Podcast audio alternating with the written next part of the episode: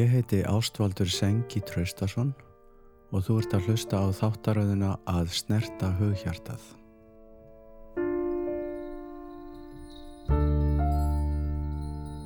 Þessi þáttaröð fjallar um sen, buddhisma og sen hugleislu yðkun og það hvernig reglubundun hugleisla getur hjálpað okkur til að lifa innihaldsríku og gefandi lífi.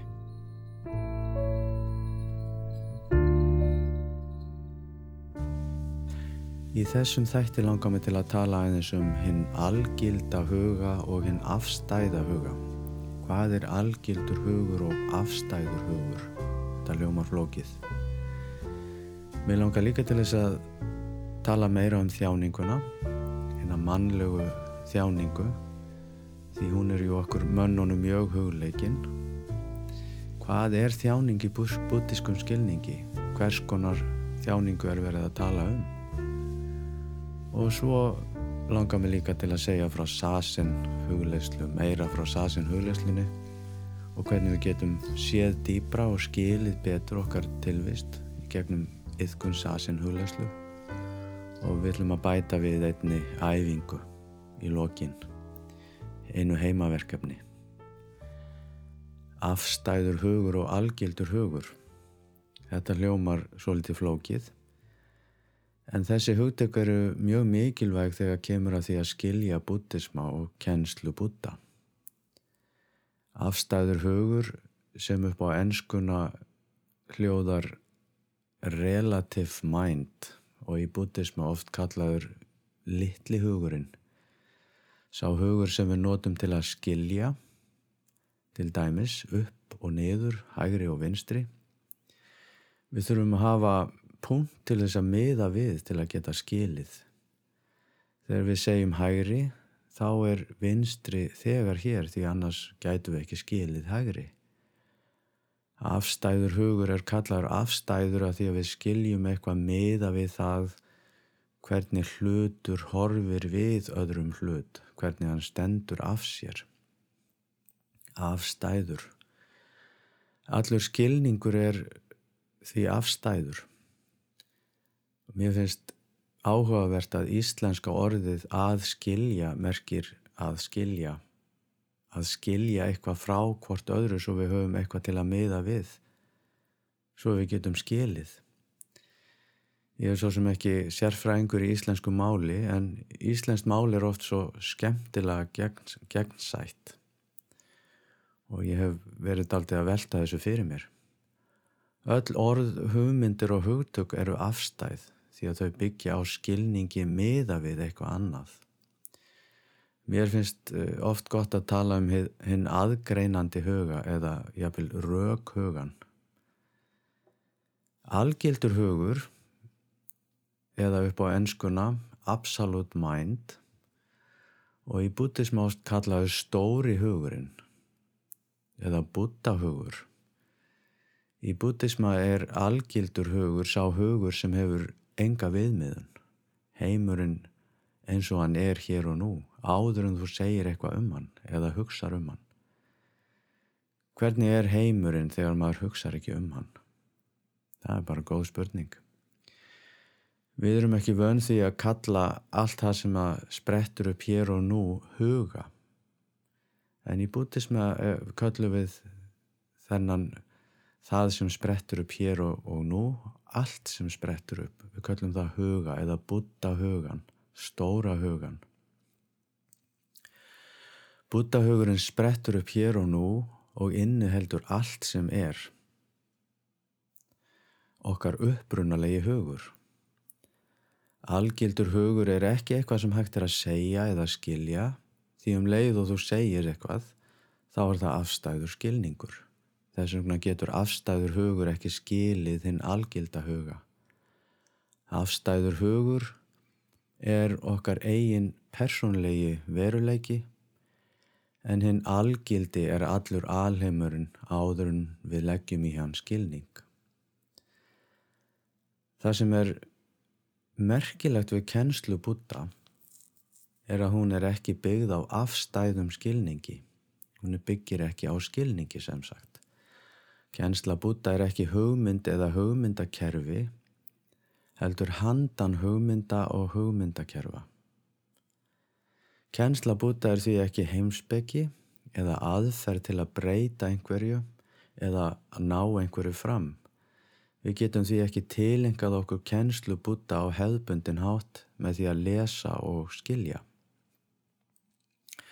Kennsla búta bendir á hinn algilda veruleika sem er alltaf hér og eiginleika hans. Við getum ekki skilgreintan með orðum en við getum skiliðan með því að stunda sasen hugleislu beita ekki huganum okkar hinnum afstæða, heldur kvíla hann og finna og leifa. Svo viska og sá skilningu sem kemur með yðkun sasen er handan orða og hugmynda og er kölluð prasna paramita sem ætti þýða á íslensku sem handan viska. Það sem ekki hægt er að skilja með því að beita afstæðum huga. Við getum ímyndað okkur mannesku sem að langar til að læra að synda og hefur lesið sér til um allt sem þarf að gera til þess að synda. Hort á myndbönd og fengi nákamar lýsingar á því hvernig ánú að bera sig að. Með alla þessa vittnesku getum við talið okkur færi í flestan sjó. En raunveruleikin er sá að engin útskýring getur komið í staðin fyrir það að fara í vatn og synda. Engin útskýring getur komið í staðin fyrir raunveruleikan. Á einhverjum tímapunktu verður manneskja sem vil læra að synda að fara í vatn. Það sama gildur um sasen og kennslu búta til þess að læra að sjá djúftin í okkar eigin tilveru verðum við að sleppa tökunum á hinnum aðgreinandi huga, setjast niður og finna og leifa. Hvernig, rey, hvernig sem við reynum geta orð og hugsanir ekki náð utanum raunveruleikan því hann er algildur og án viðmiðana og þess vegna hefur engum tekist að segja nákvæmlega hvað lífið er í grunninn. Þannig er það einni með sasen hugleislu því sasen vísar okkur á lífið hér og nú. Með ytkun sasen diffkar skilningur okkar á lífinu og okkur sjálfum Við sjáum smám saman dýbra og dýbra. Við æfum okkur í því að vera til á sama hátt og sá sem vil læra að synda fer í vatn. Við horfumst í augu við raunurleikan, finnum og leifum. Finnum að í grunninn getum við ekki sagt neitt um lífið, útskýrt eða skilið og við leifum því að gerast. Að finna og leifa finnst mér falleg lýsing á sasinniðkun. Það fælst í því ákveðin sátt og ákveðin einlægni að sættast við það að lífið er meira en hægt er að segja. Það er mikilvægt að átt okkur á því að þó svo að heimurinn sé algildur og þá er hann líka afstæður. Við höfum afstæðan huga, við erum mennsk. Við höfum afstæðan huga í heimi sem er algildur. Það má því segja að tilveran okkar er bæði afstæð og algild á sama tíma. Afstæður hugur og algildur hugur eru eitt. Þegar við hugsum, þá er það sama, er á sama tíma algild. Mér var hugsað til æðruleysi spænarinnar. Mér finnst hún svo, svo falleg og hún á allstaðar við og, og fer í rauninni handan hugmynda. Guð gefðu mér æðrulist til að sætta mig við það sem ég fæ ekki breytt, kjark til að breyta því sem ég get breytt og við til að greina þar á milli. Fyrsta línan Guð gefðu mér æðruleysi til að sætta mig við það sem ég fæ ekki breytt. Vísar til hins algilda hugar sem að mætti líka kalla Guð. Stóri hugurinn, búta hugurinn sem við fáum ekki skilið og getum ekki lagað að okkar vilja. Við þurfum svo sannarlega æðrulegs til að finna sáttina í hennu óhaggalega lögmáli lífs og dauða. Setni línan kjark til að breyta því sem ég get breytt vísa til hins afstæða hugar. Svo staðrind að við höfum afstæðan huga og getum hugsað, getum skilið, getum gert og græjað. Við þurfum svo sannarlega kjark til þess að takast á við þar þær aðstæður sem koma upp í lífi hvers manns Og svo við til að greina þar á milli að öðlast viturt hjarta, prasna paramita, sjá djúft, sjá skýrt.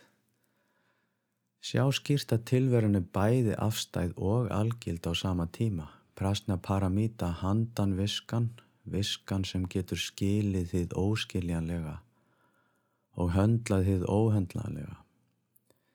Við getum sagt að sasin hugleisla sé þessi sátta umleitun. Það sem við setjumst niður í hennum algilda veruleika með okkar afstæða huga og finnum og leifum.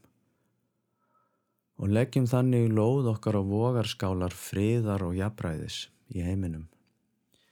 Því til þess að breyta heiminum þá þurfum við að byrja á okkur sjálfum.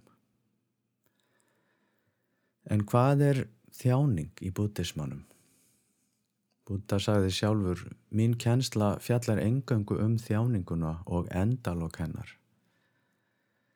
Hann var ekki að segja að lífið væri tómur, bömmur og blús tvert á móti.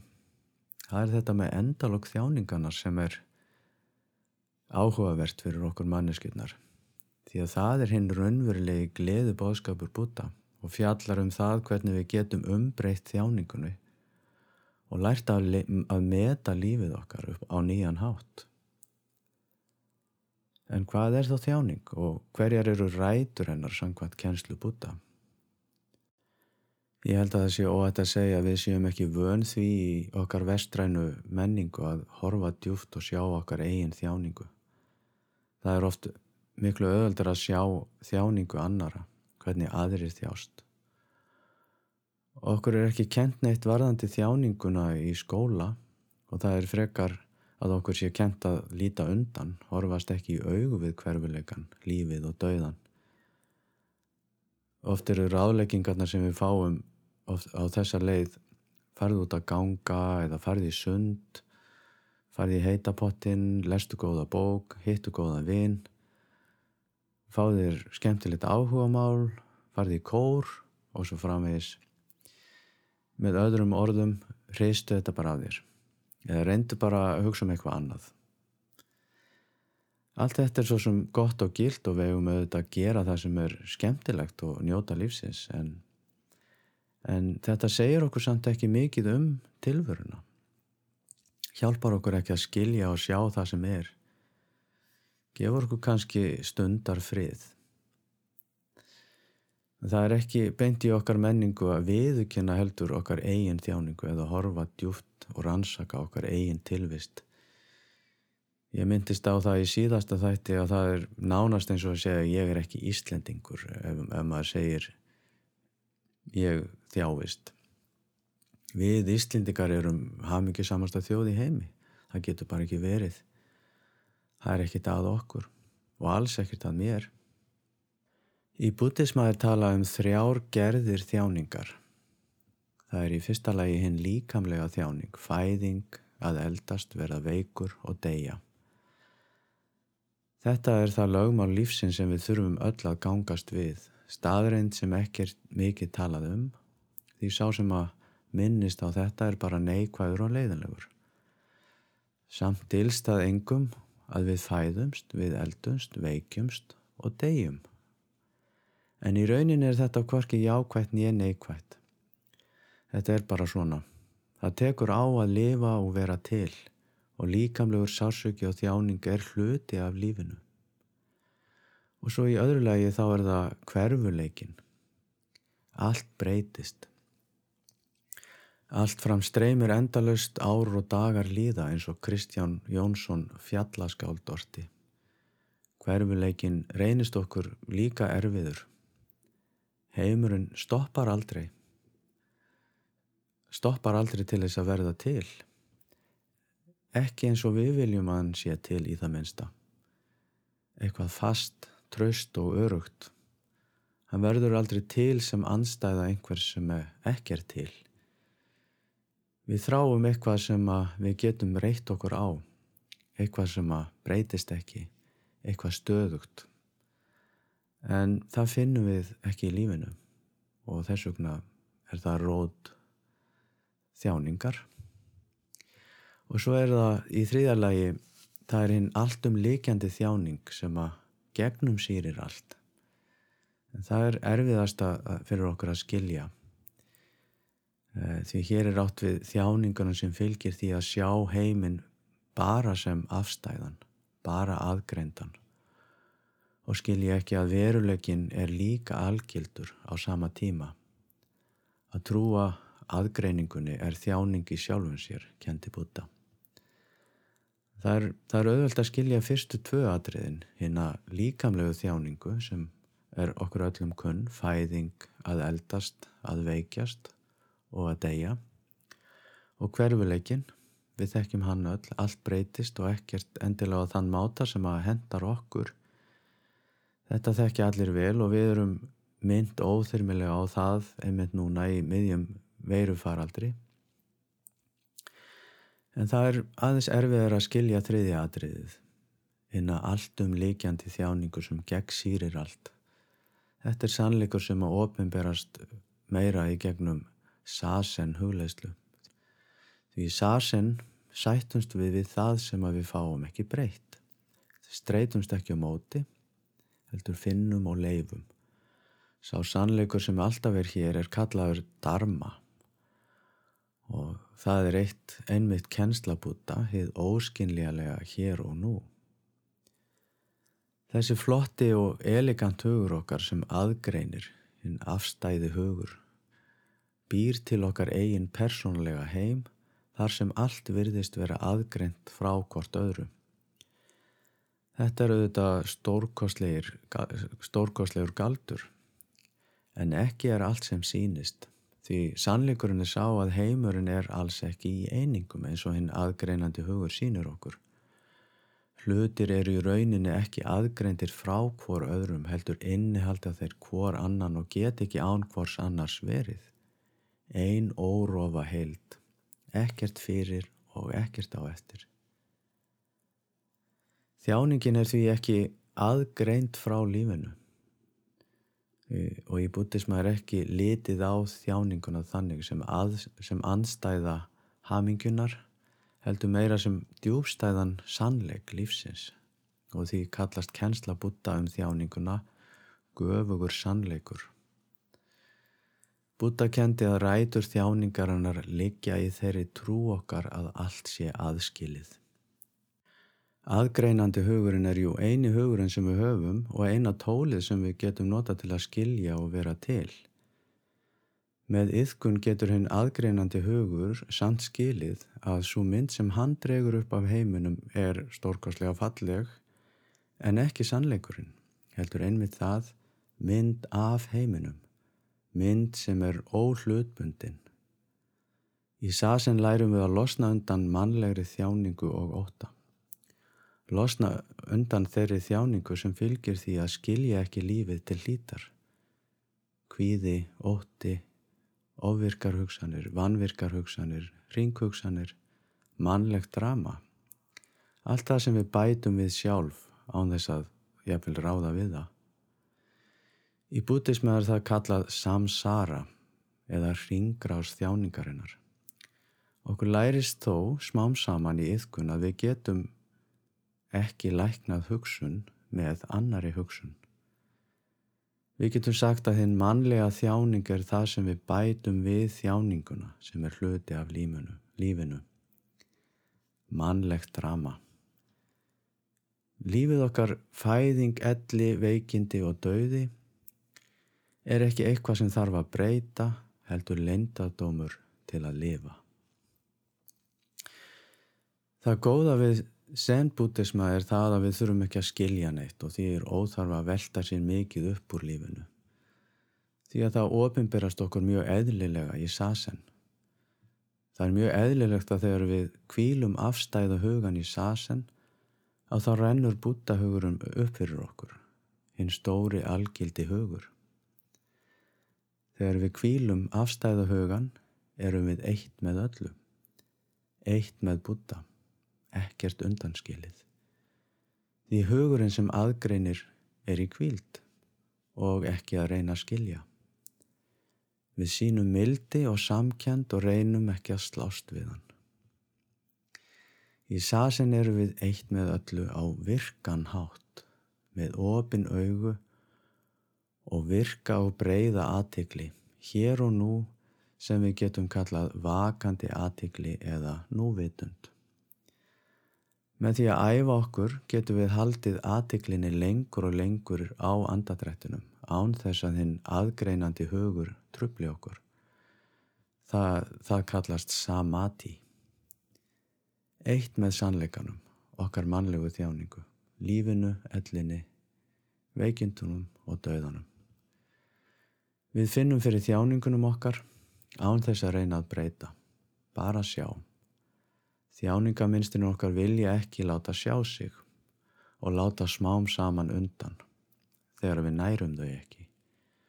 Þau þólast ekki við í ljósi lífsins, í ljósi vakandi aðtegli. Því ljósvakandi aðtegli nærir lífið sjálft, nærir hamingina og við sjáum lífið, við sjáum að lífið vil lifa og vil að annað líf lifi. Í ljósi vakandi aðtegli er lífið óendalega viðfemt og fallegt, einmitt af því að það er ekki varanlegt og einmitt vegna þess að við þjáumst. Lífið er stert og kraftmikið en að samaskapi viðkvæmt og brotætt. Þessi yðkun er ekki byggð á hugmynd eins og ég sagði áðan. Við getum, við getum því ekki ákveðið einn daginn að við ætlum að vera hér og nú. Við verðum að yðka það. Æfa okkur. Æfa okkur á hverjum degi, dag eftir dag. Gera yðkun á föstum þætti í lífi okkar því vanin er sterkur og ómótstæðilegur. Sasin er ekki æfingi að ná neinu settu markmiði því markmiðið er að sjá það sem er hér og nú. Markmiðið er hér og nú, ekki einhver staðar annar staðar í framtíðinni eins og venjuleg markmið eru. Við byggjum um æðruleysi, kjark og vit því leiðin út úr þjáningunni er í gegnum þjáninguna. Í sasen snúum við okkur að þjáningunni.